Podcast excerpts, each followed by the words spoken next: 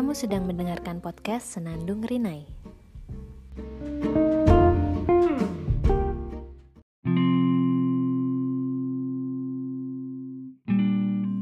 Hai, selamat datang di Senandung Rinai.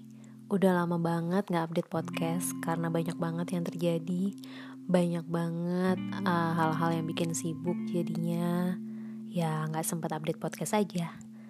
Anyway, kamu inget gak tadi malam kamu mimpi apa?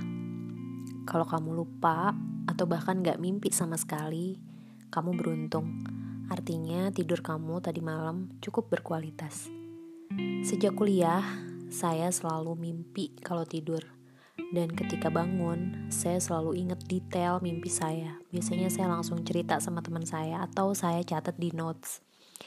Saya selalu merasa kecapean ketika bangun tidur. Kayak energi saya habis untuk tidur.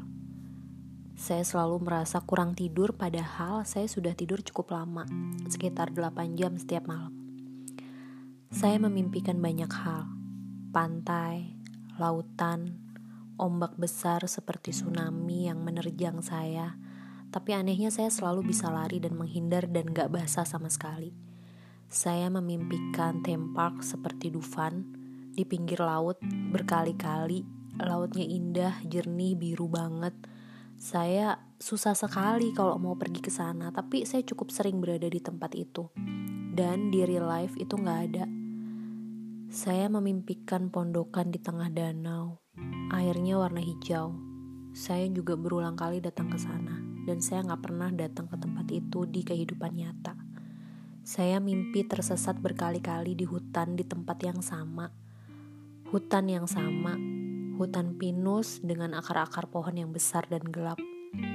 Saya sering mimpi saya naked, nggak pakai baju atau pakai baju yang sangat minim yang nggak biasanya saya pakai di tempat umum.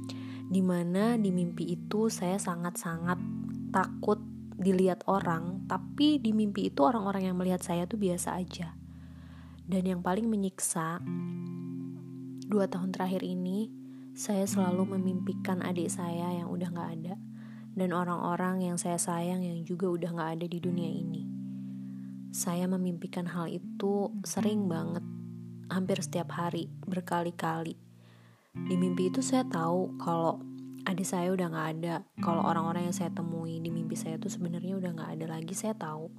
Dan saya selalu berbincang dengannya dia selalu bilang kalau dia baik-baik aja di sana kita selalu happy dan bahagia kayak meet up gitulah di mimpi saya happy banget di mimpi tapi ketika saya bangun saya ngerasa depresi luar biasa saya sedih kenapa itu cuma mimpi. Kenapa itu tidak bisa saya dapatkan di kehidupan nyata. Hal tersebut cukup ngeganggu saya banget. Dan saya udah coba berbagai cara. Pakai essential oil yang di diffuse uh, yang katanya bisa menenangkan. Pakai lilin aromaterapi.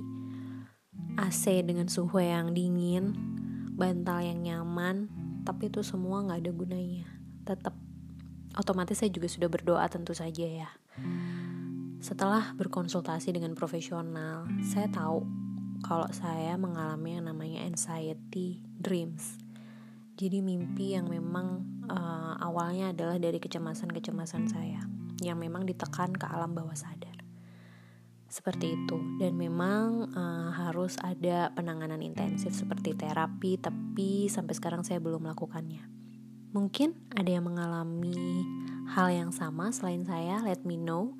At least saya tahu bahwa saya nggak sendiri yang mengalami ini. Saya ngerasa saya bukan orang yang paling aneh gitu yang mengalami ini, begitu. Oke? Okay?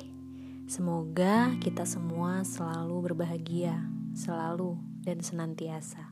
Have a nice day.